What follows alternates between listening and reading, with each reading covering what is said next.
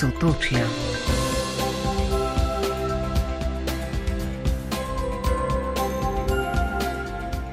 Dober večer, lepo pozdravljeni vsi, ki ste se odločili za družbo rojakov iz sosednjih držav.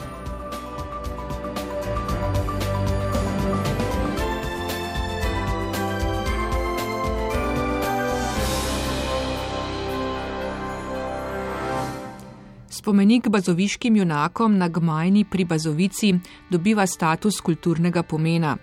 Z aktom, ki ga je minuli teden potrdila Deželna komisija Fulanije Julijske krajine, pa je vzpostavljena tudi podlaga, da bi spomenik dobil status državnega pomena.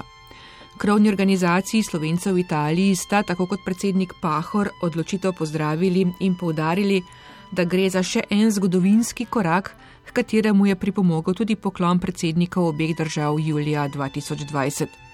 Italijanski predsednik Mattarella je takrat priznal pomen boja četverice proti fašizmu. Status kulturnega spomenika pa še dodatno potrjuje, da so bili bazoviški junaki na pravi strani zgodovine, so med drugim zapisali v SKGZ in SSO. Kaj dejansko pomeni potrjeni akt, bo v nadaljevanju pojasnil predsednik odbora za proslavo bazoviških junakov Milan Pahor.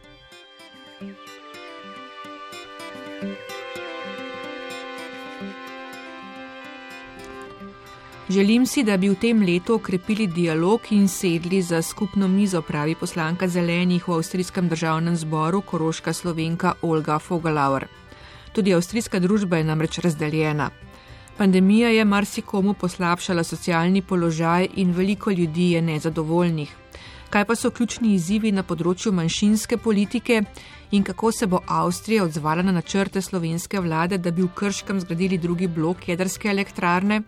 Stališče Avstrije je vse skozi jasno, pravi naša gostja.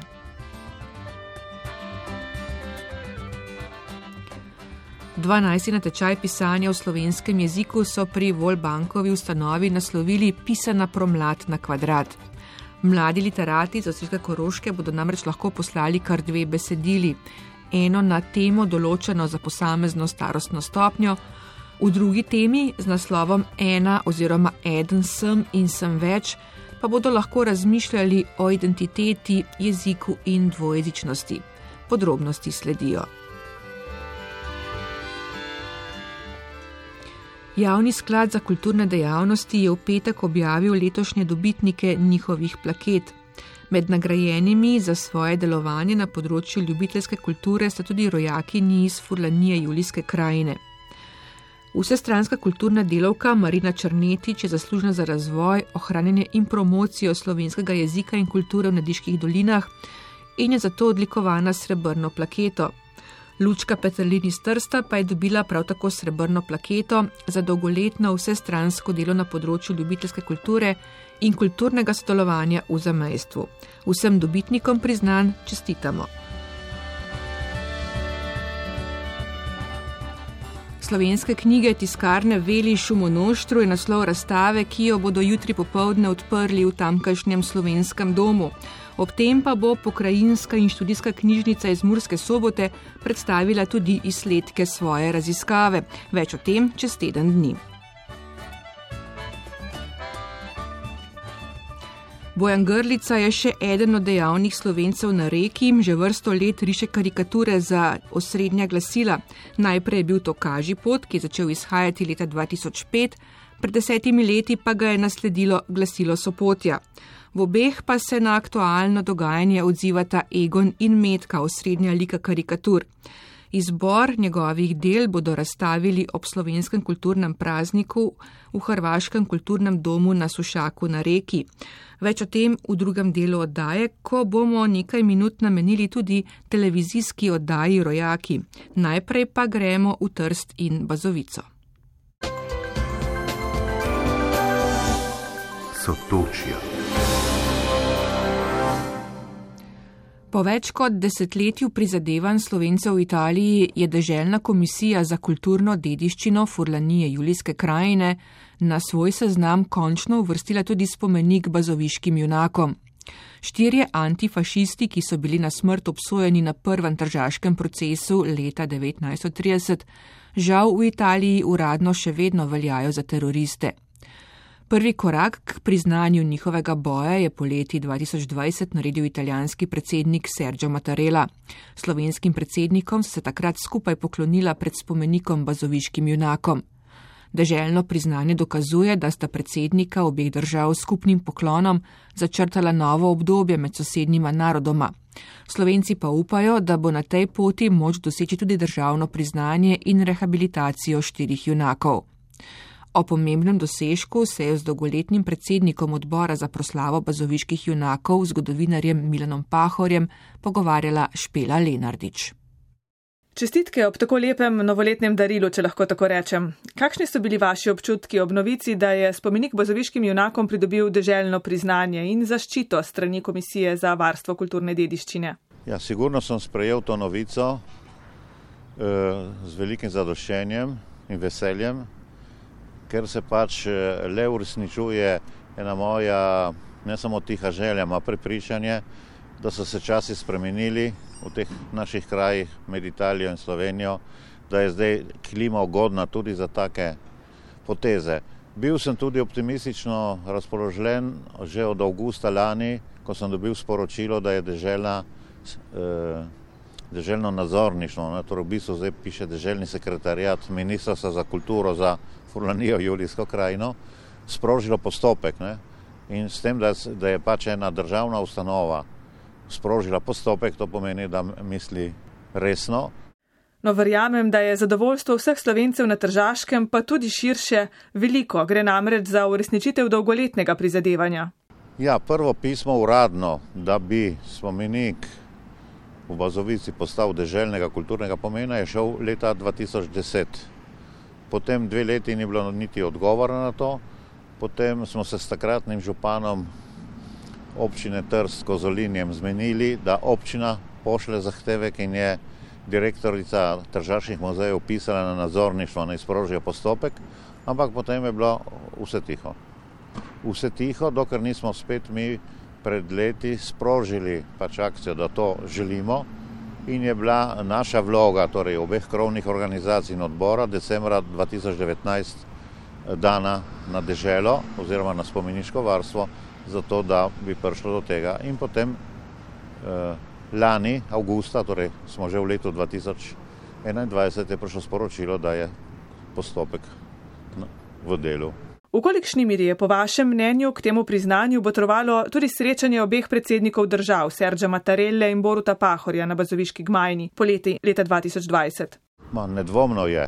Takrat, ko smo o tem govorili, jaz sem bil vedno na strani tega, da je to resen prelomni dogodek, da je sicer to simbolno dejanje, da to ni spravno dejanje, ampak bo imelo v, v naslednjih mesecih in letih eh, svoje pozitivne učinke in tako je. Vas pa ni presenetilo, da so nekateri predstavniki politične desnice ter združen optantov vendarle izkoristili možnost in se v 80 dneh od začetka postopka pri Komisiji za varstvo kulturne dediščine pritožili na vaš predlog za zaščito spomenika? Ne, zato ker žal Vemo, v kakšnem mestu živimo, to je moje rojstno mesto, moje mesto, ki je lepo mesto, se dobro živi, ampak ima dve duši. Ena duša nas še ni sprejela popolnoma, ne? je vedno proti. In še posebno, kadar se govori o fašizmu, antifašizmu, narodno-sodnilnem boju, vse, kar je to spremljalo, je postilo še vedno posledice, so še vedno organizacije in ljudje, ki stojijo za temi stališči in nasprotujejo. Ampak zgleda, da uradna stran temu ne naseda več tako popolnoma, kot je bilo prej, ampak gre svojo pot in če to smatra, da je pravilna pot, je tudi v resnici, kot je v tem našem primeru. Kaj pravzaprav prinaša deželno priznanje oziroma uvrstitev na seznam deželne kulturne dediščine? Ste morda upravičeni do deželnih sredstev za njegovo vzdrževanje? Spomenik pridobi na ugledu, torej to je, da je pač del eh, deželne kulturne dediščine in je v tem seznamu. To je prvo. Drugo je, da mora biti eh, varovan in zaščiten po zakonu. Torej pomeni, po mojem mnenju, kdor bi se zdaj spravil na spomenik, eh, bi bil lahko tudi sodno kaznovan ne, zaradi tega deželnega zakona, ne samo zaradi dejanja, ki ga je storil. Kar se tiče drugega, ne vidim velikih eh, premikov, pač za mm, spomenik skrbi odbor za proslavo bazovinskih junakov pri Narodni študijski knjižnici s podporo seveda obeh krovnih organizacij. Mi to politiko peljemo naprej. Jaz v zadnjih letih kot predsednik odbora opažam, da se to spreminja v pozitivno smer, da vedno več ljudi prihaja v Bazovico, tudi iz italijanskega demokratičnega sveta, da to postavlja pač, da je že poznan vsem in da pač ima svoj pomen. In tudi v tej odloku piše, da to je, eh, so notor napisali, lokalità storica per l'antifascismo di queste terre, torej pomeni, da se tam zbira ogromno ljudi in da gre za komemoracijo. Torej pomeni, da mi se tam spominjamo določenih žrtev, določenega zgodovinskega obdobja, nismo pa nikakor ne revanšistično nastrojeni. No, vaš naslednji korak bo šel v smeri državnega priznanja oziroma uvrstitve spomenika bazoviških junakov na seznam spomenikov državnega pomena, ker sta naprimer že Fojba in Tržaška rižarna. Vrata na to pot so vam z deželnim priznanjem sedaj odprta, kaj ne? Mi bomo šli na to, eh, na to pot, ker smo pa se odločili, že ko smo ta korak glede dežele eh, storili, da bomo tudi storili na državni ravni, se bomo morali posvetovati eh, z našimi organizacijami, stopiti v stik s političnimi strankami, z partizansko organizacijo AMPI in še bi lahko kaj naštevali, da iz tega pač pride en dober načrt in da pod tistim načrtom potem gremo na to pot, ki ne vem koliko bo ne kratka ali dolga, na vsak način na to pot bomo šli, ker smo si dali tudi v program odbora, da to storimo. Odprla vrata sta oba predsednika, ker so nas simbolno priznala. Ta uh, dodaten uh, odlog seveda še to dodaja na deželni ravni in uh, naslednja stopna je državna raven, ne? torej bi potem bil ta spomenik eh, enako vreden rižarni, recimo, ne, če se tako izrazim. Hvala lepa za pogovor in srečno na poti do novega cilja. Hvala. Mi smo ubežniki, mi smo izbranci, sestra nam cesta je, brat nam je glad. Matere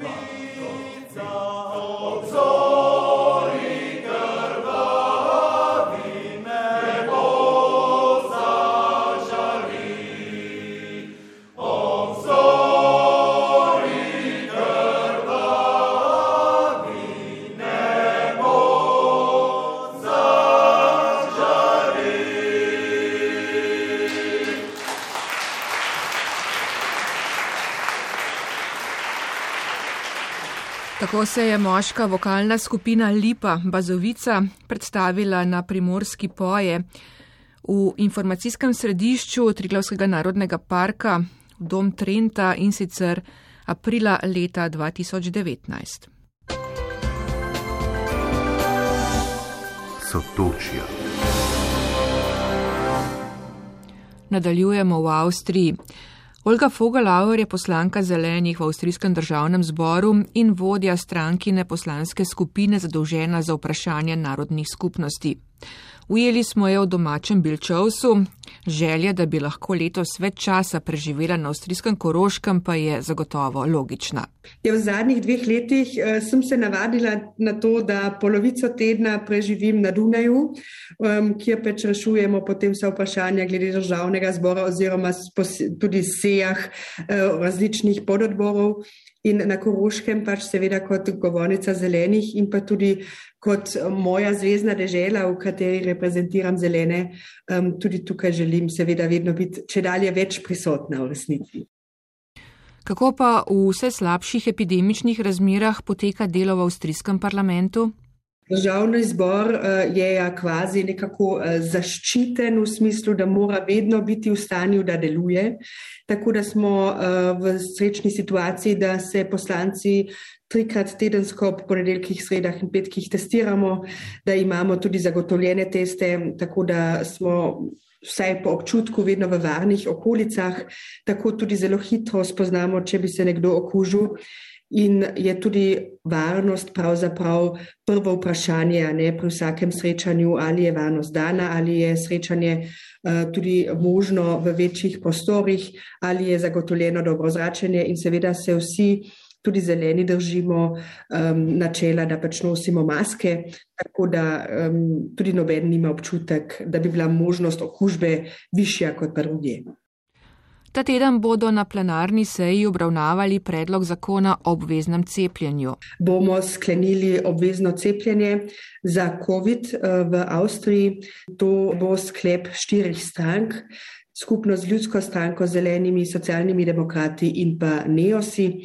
Tako da je to zelo široko, um, tudi usklajeno politično v Avstriji.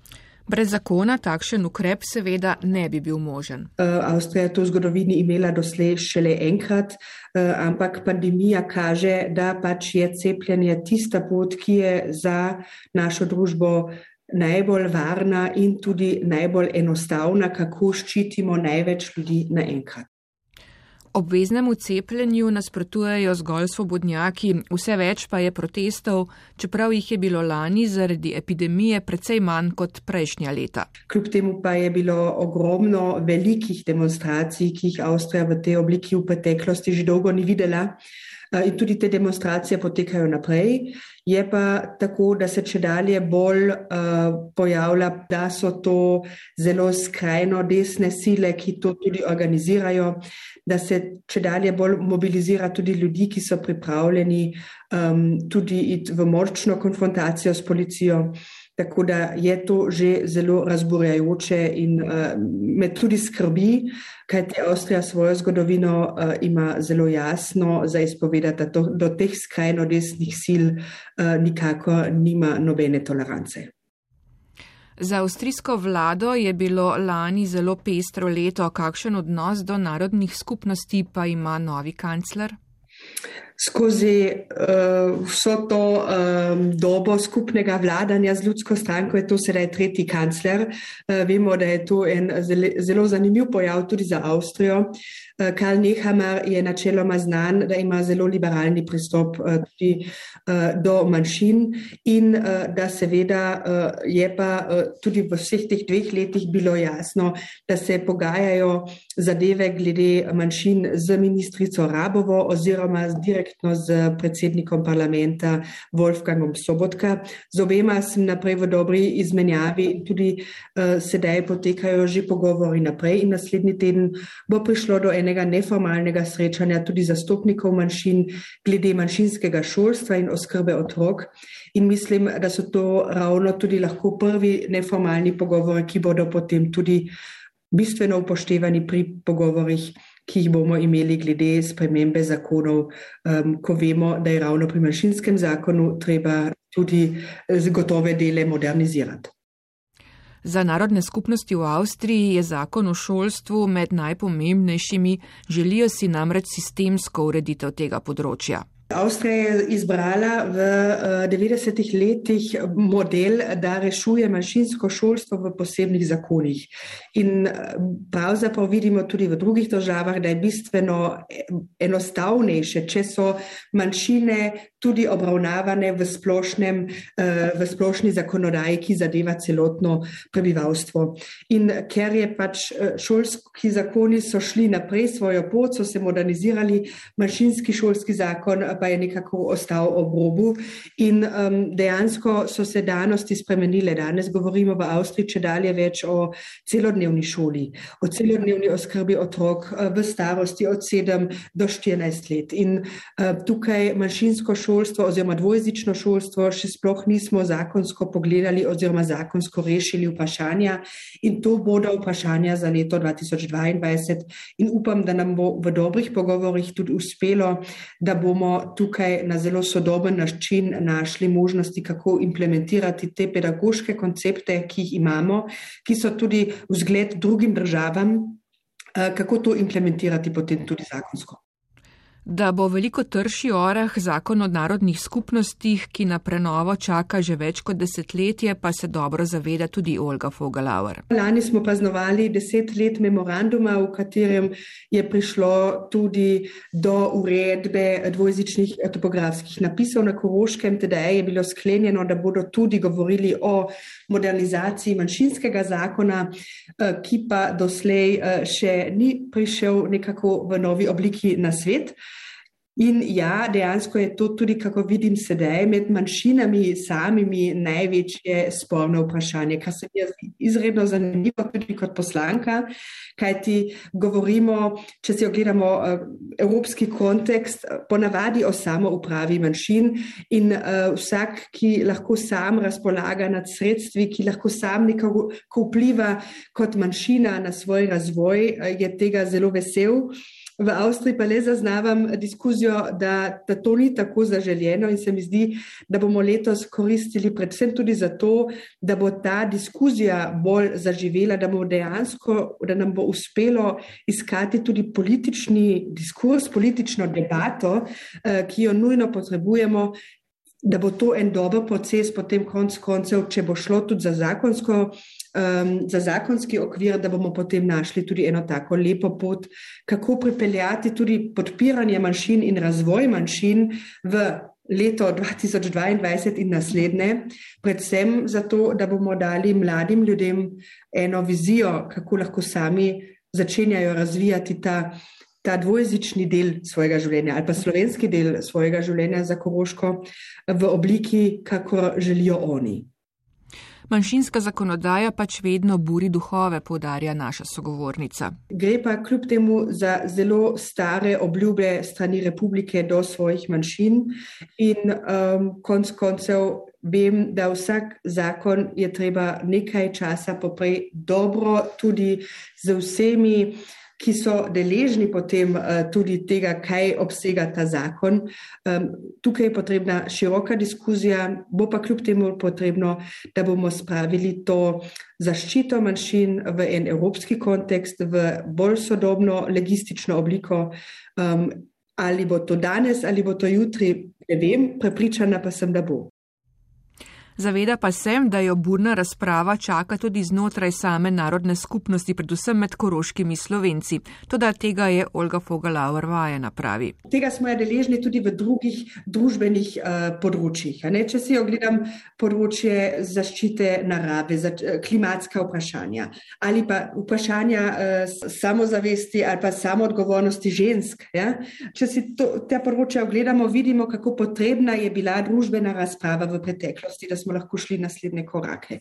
Isto potrebujejo manjšine med sabo. In zdi se mi, da uh, je manjšince včasih strah takih diskuzij, ker itak stalno diskutiramo, pa debatiramo.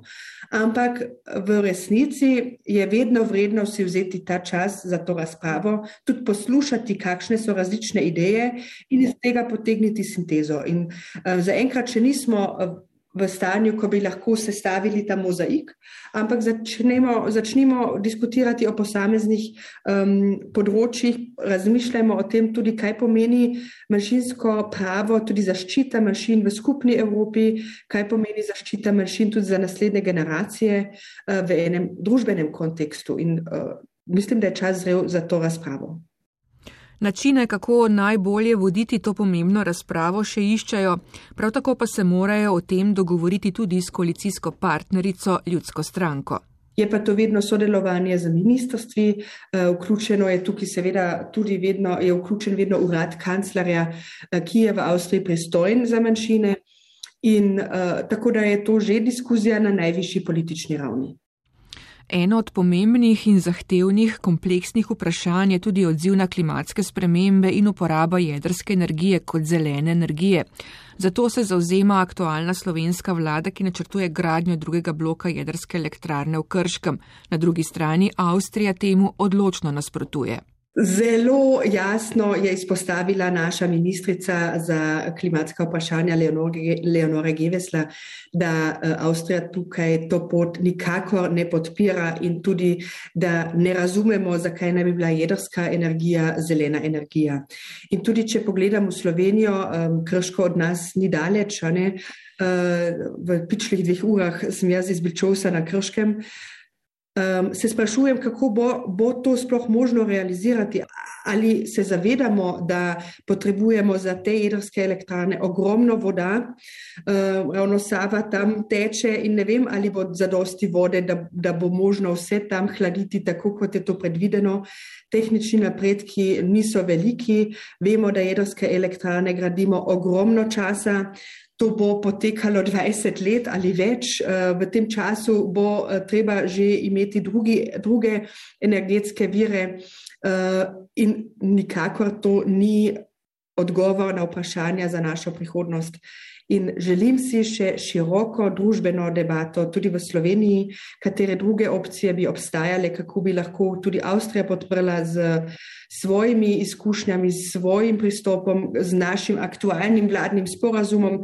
Vemo, v Sloveniji bodo tudi volitve. Upam, da bodo te sile, ki se močno ukvarjajo tudi s tem, kako bo v prihodnje treba reševati vprašanje klimatskih sprememb, da bo to en bistveni del prihodnih vladnih pogajanj oziroma za volilni boj v Sloveniji. Avstrijska vladna koalicija ljudske stranke in zelenih je enotna, da jedrska energija ni zelena energija. Enako velja tudi za morebitni drugi blok jedrske elektrarne v Krškem. Avstrija bo preverila vse pravne možnosti uh, na evropski ravni in v, v bilateralnih pogovorjih. Itak že zdaj tudi izpostavlja, da uh, je tukaj popolnoma um, drugega mnenja kot pa Republika Slovenija. In seveda tudi vemo, da imamo uh, mednarodno preverjanje učinkov na okolje in tudi tukaj se bo Avstrija zelo močno vnesla. Ob vstopu v novo leto pa si je Olga Fogelauer, poslanka zelenih v Avstrijskem državnem zboru, zaželela predvsem več dialoga in sodelovanja znotraj družbe, ki tudi v Avstriji ni enotna. Je virus nekako postal tisti, tisti moment, eh, ob katerem želimo reševati vse naše družbene diskuzije, oziroma odprta vprašanja, nas eh, nekako morijo, ne, ker je kar nekaj eh, tudi eh, družbenih vprašanj odprtih, naprimer socialna varnost, ne, socialna zaščita. Ljudem ne gre vsem zelo dobro trenutno. Ne. In nekako se mi zdi, da se ta diskuzija potem kanalizira na področju koronavirusa in upam, da nam bo uspelo, da bomo s tem, da iščemo stalno tudi pogovor in da ga ne prekinjamo, um, našli spet za skupno mizo kot družba in da bomo imeli spet skupne cilje, skupne vizije. Uh, to bi si želela. Predvsem si pa želim uh, čisto osebno, malo več časa za Koroško, za vse te ljudi, ki jih uh, premalo vidim, ker sem včasih preveč časa na Dunaju, in pa da nam bo uspelo dejansko v, eni, v enem dobrem vzdušju graditi prihodnost. Kajti ta vprašanja, ki so trenutno za reševati, glede klimatske spremembe, glede socialnih vprašanj, so ogromna. Ne samo za Avstrijo, eh, tudi ne samo za Slovenijo, temveč to gre, to so pravzaprav globalna vprašanja, če dalje. Ob koncu pogovora lahko Olgi Fogelauer zaželimo le še obilo uspehov in predvsem dovolj energije. In ker za dobre želje ni nikoli prepozno. Hvala lepa in vsem poslušalkam in poslušalcem srečno in zdravo, predvsem pa eh, prijetno novo leto.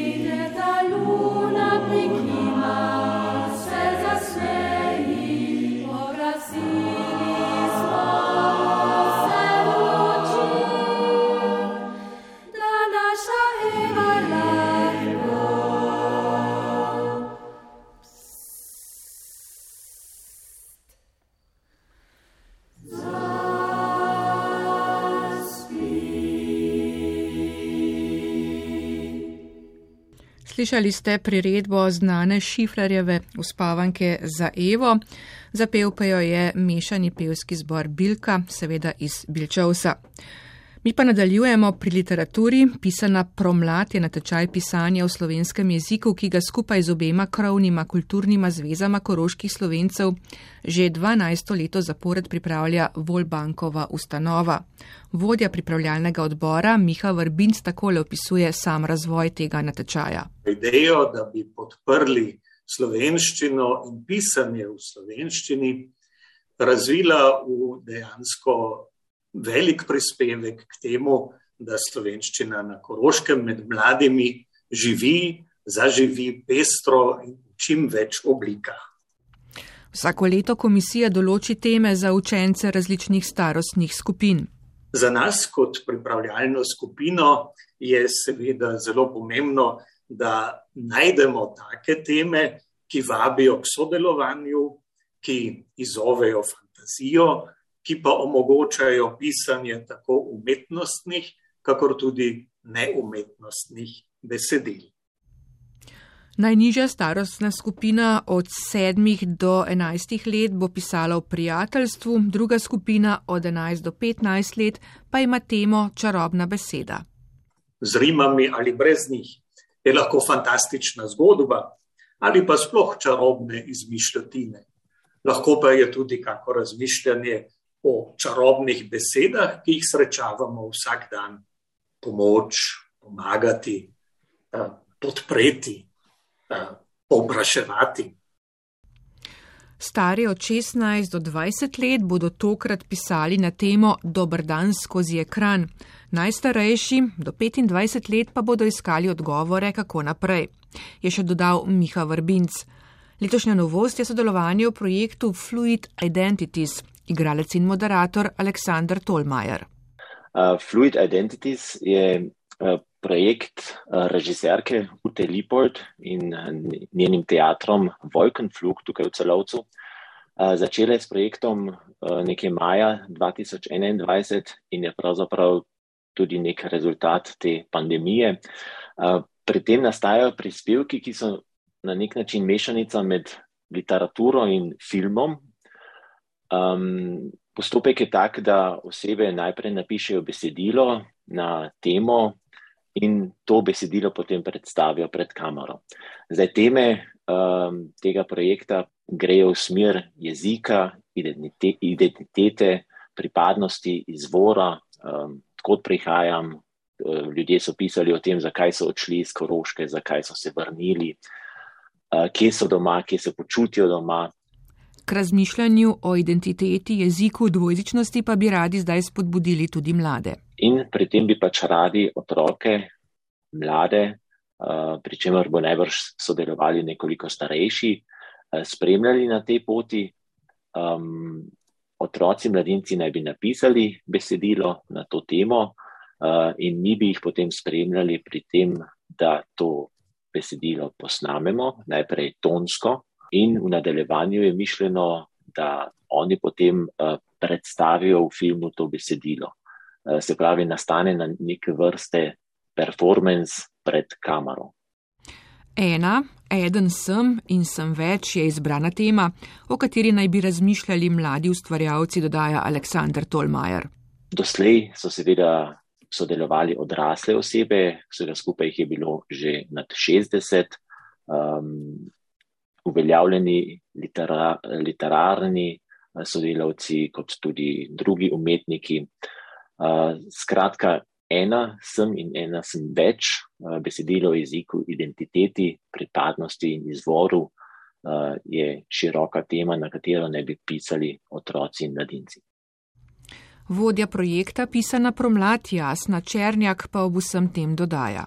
Eh, torej, imamo 12. pisano promlad, eh, leto 2022, eh, in smo nekako rekli, da potem bi pa res lahko ustvarili pisano promlad na kvadrat. To pomeni, da lahko udeleženci napišejo eno besedilo na teme, ki jih določimo po starostnih skupinah, in dodatno besedilo, v katerem razmišljajo o svoji identiteti, uh, izvoru, uh, svojem domu in tako naprej. Najboljše na letošnjem natečaju bodo razglasili konec maja in zanimanjem bomo spremljali, kaj vse bodo mladi literatke in literati ustvarili letos. Lani je 490 mladih iz 30 izobraževalnih ustanov poslalo 589 prispevkov.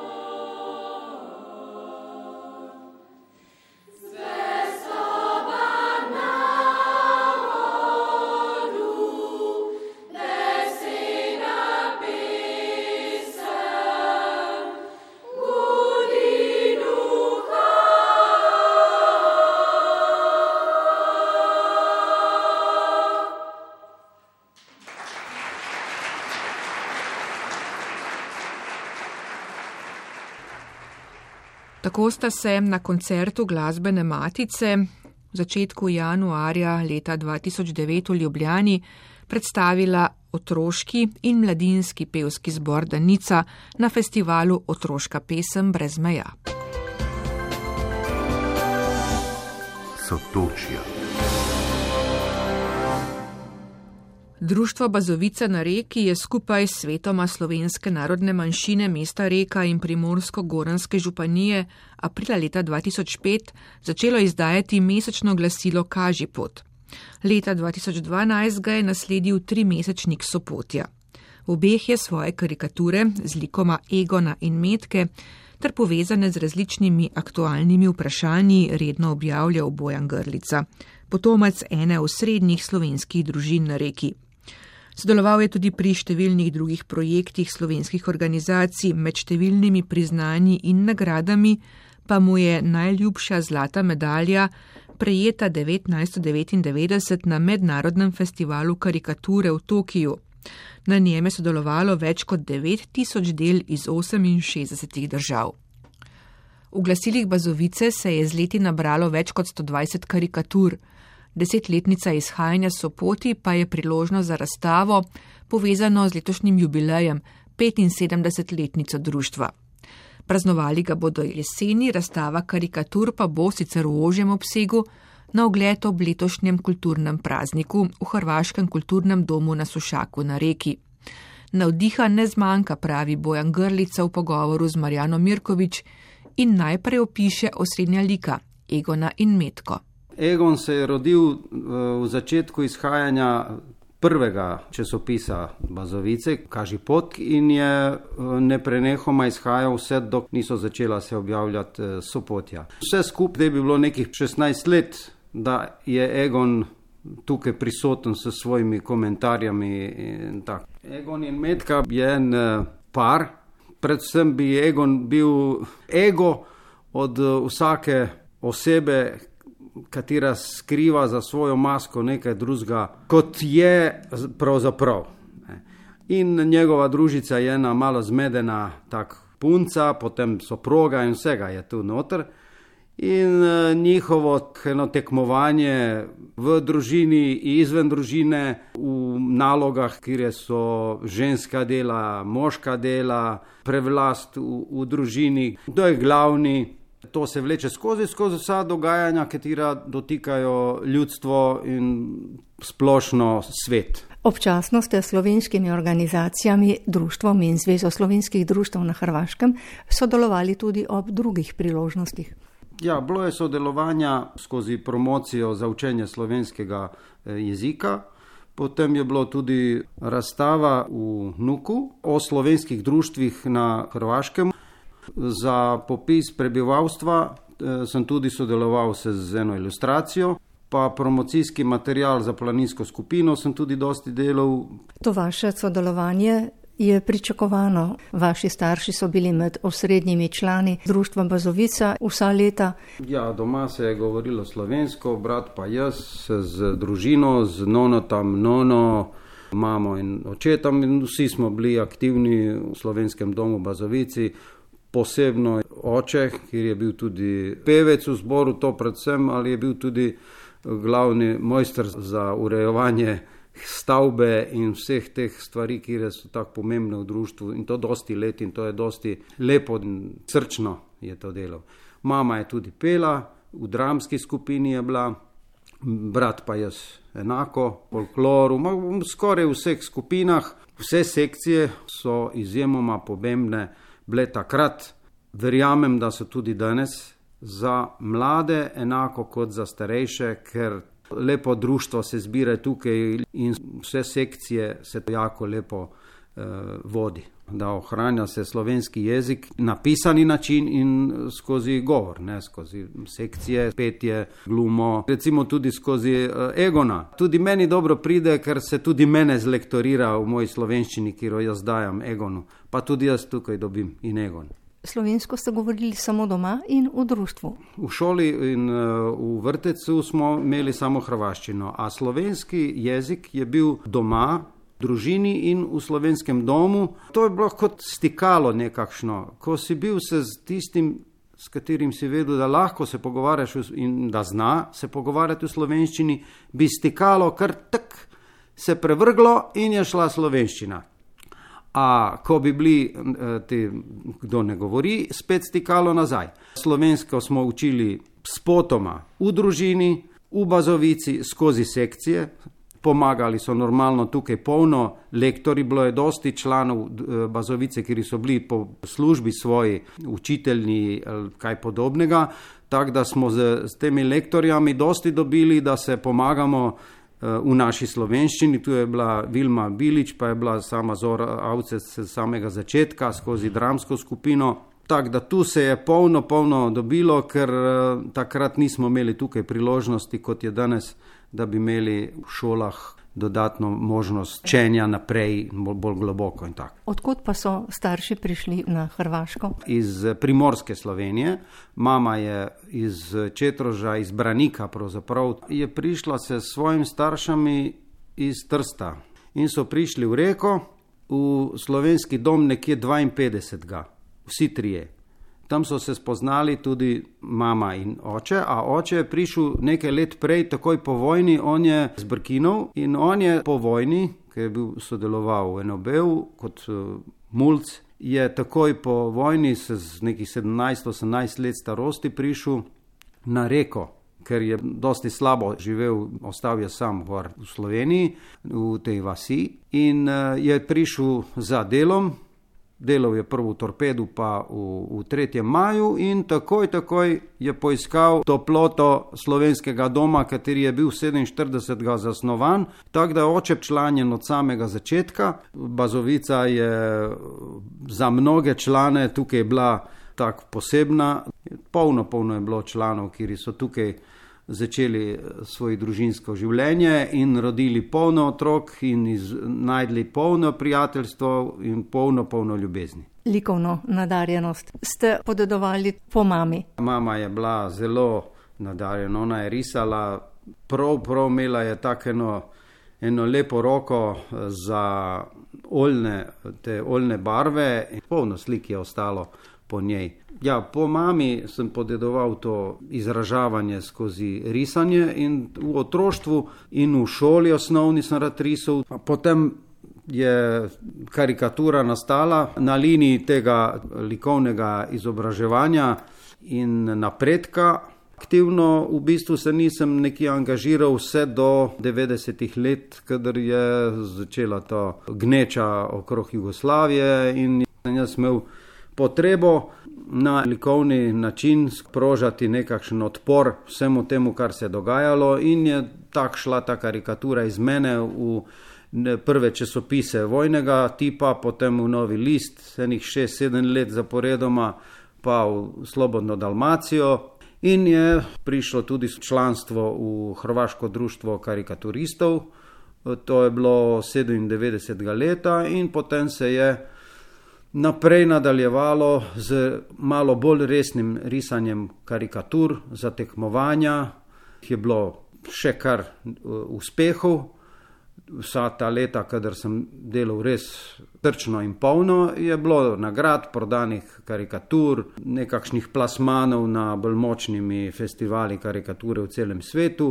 Poleg tega sem delal še razne materijale za propagando, slogane, reklame, pa razglednice, kolendarje, predmete, predvsem za turizem. Tudi za knjige, eh, otročjih pesmi in pravlic sem delal, ilustracije tudi za resne knjige. Posebno me veseli učbenik za pravni fakultet na reki. Je karikatura tudi tam našla svoje mesto, čeprav so tam stvari malo bolj resne. Ustvarjate še vedno.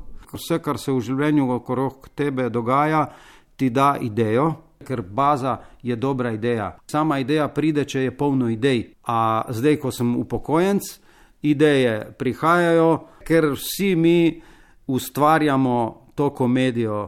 Življenje dela samo vse po sebi in Bog, a mi še kompliciramo in naredimo toliko materijala, da navdiha ne zmanjka. So rekli, da dokler je ljudske gluposti, da ne zmanjka idej za jih risati. Bojan Grlica, hvala za pogovor in uspešno ustvarjanje tudi v prihodnje. Hvala lepa, pozdrav vsem.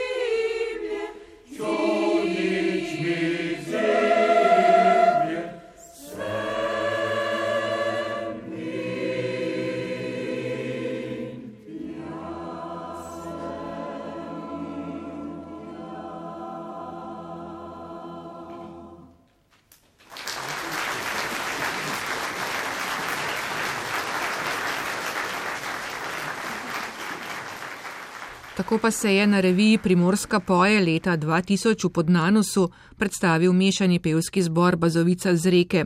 Zbor letos, tako kot društvo, praznuje 75-letnico delovanja in prepričana sem, da bodo o njem spregovorili tudi v televizijski oddaji Rojaki. Sotočja.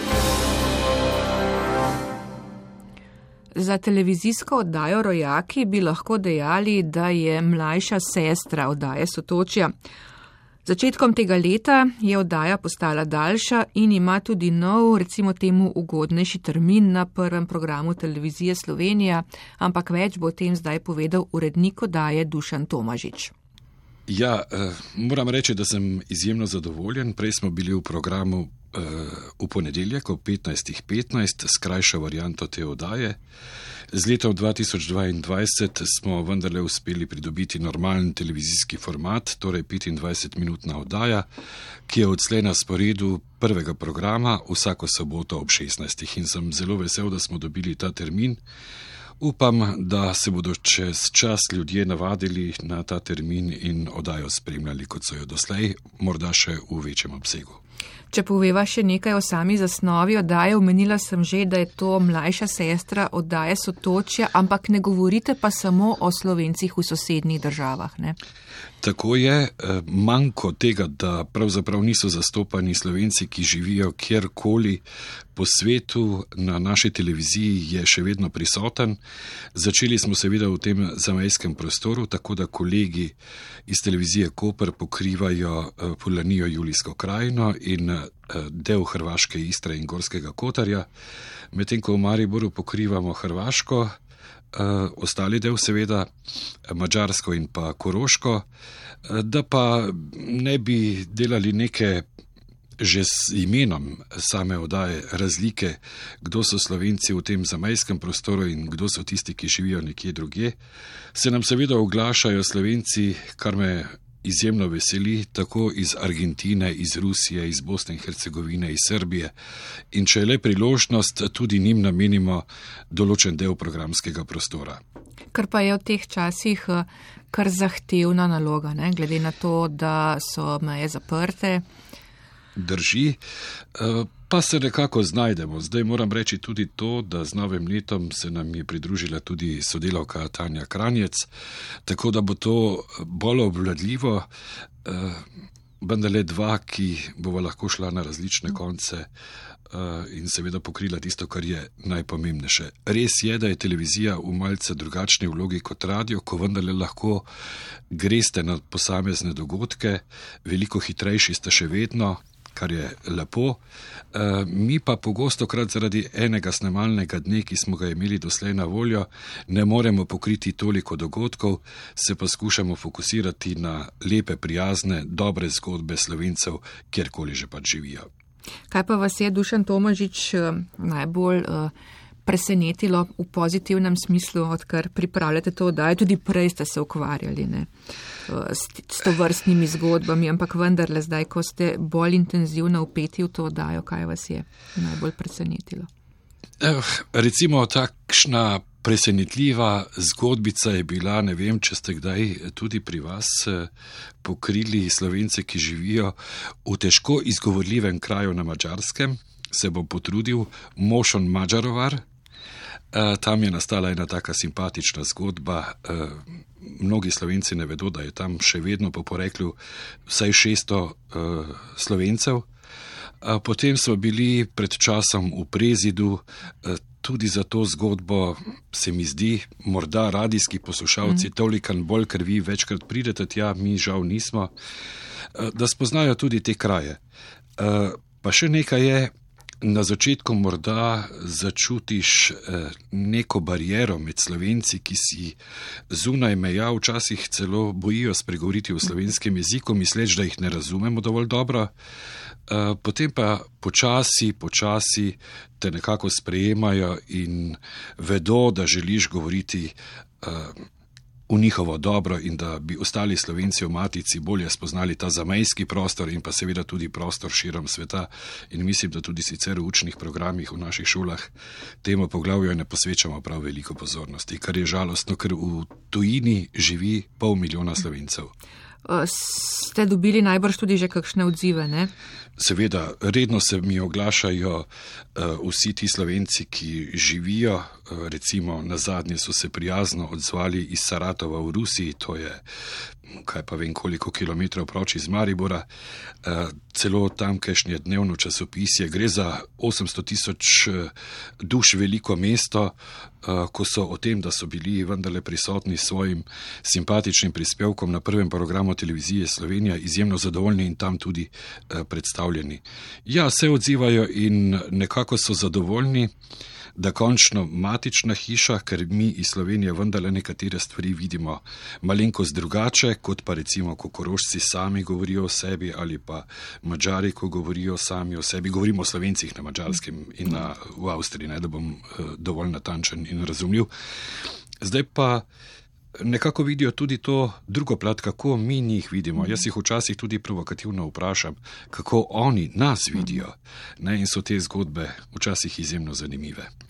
O čem bodo govorili rojaki v to soboto ob 16. na prvem programu televizije Slovenija? Že imate pripravljeno najbrž kakšen ja, saj osnutek scenarija, že mora biti. Ne? Ja, nekaj, nekaj več uh, tem je predvidenih, tako da jutri, oziroma ja, jutri se odpravlja kolegica na Avstrijsko Koroško, kjer bo govorila o uh, gospodarski dejavnosti tam živečih slovencev. Sam se v petek odpravljam uh, v Monošter in v Mursko soboto pa v Sombatej eh, v Monoštru jutri odpirajo razstavo. Verjetno boste vi danes večer o tej razstavi kaj več povedali. Omenili bomo, ja. Tako, mi bomo eh, prisotni v petek, ker jutri pač s ekipami ne gre, da bi vse pokrili. Ja, kar nekaj zgodbic se bo napletlo. Rad bi govorili tudi o popisu prebivalstva na Mačarskem, o čemer ste v vaši oddaji mm. že govorili, koliko sem mm -hmm. podučen, tako da vidite, da vas spremljam. Dušan Tomažič, eh, uspešno delo. Še naprej vam želim in bomo seveda gledali gledali tudi rojake. Mi pa poslušali sotočja. Hvala lepa.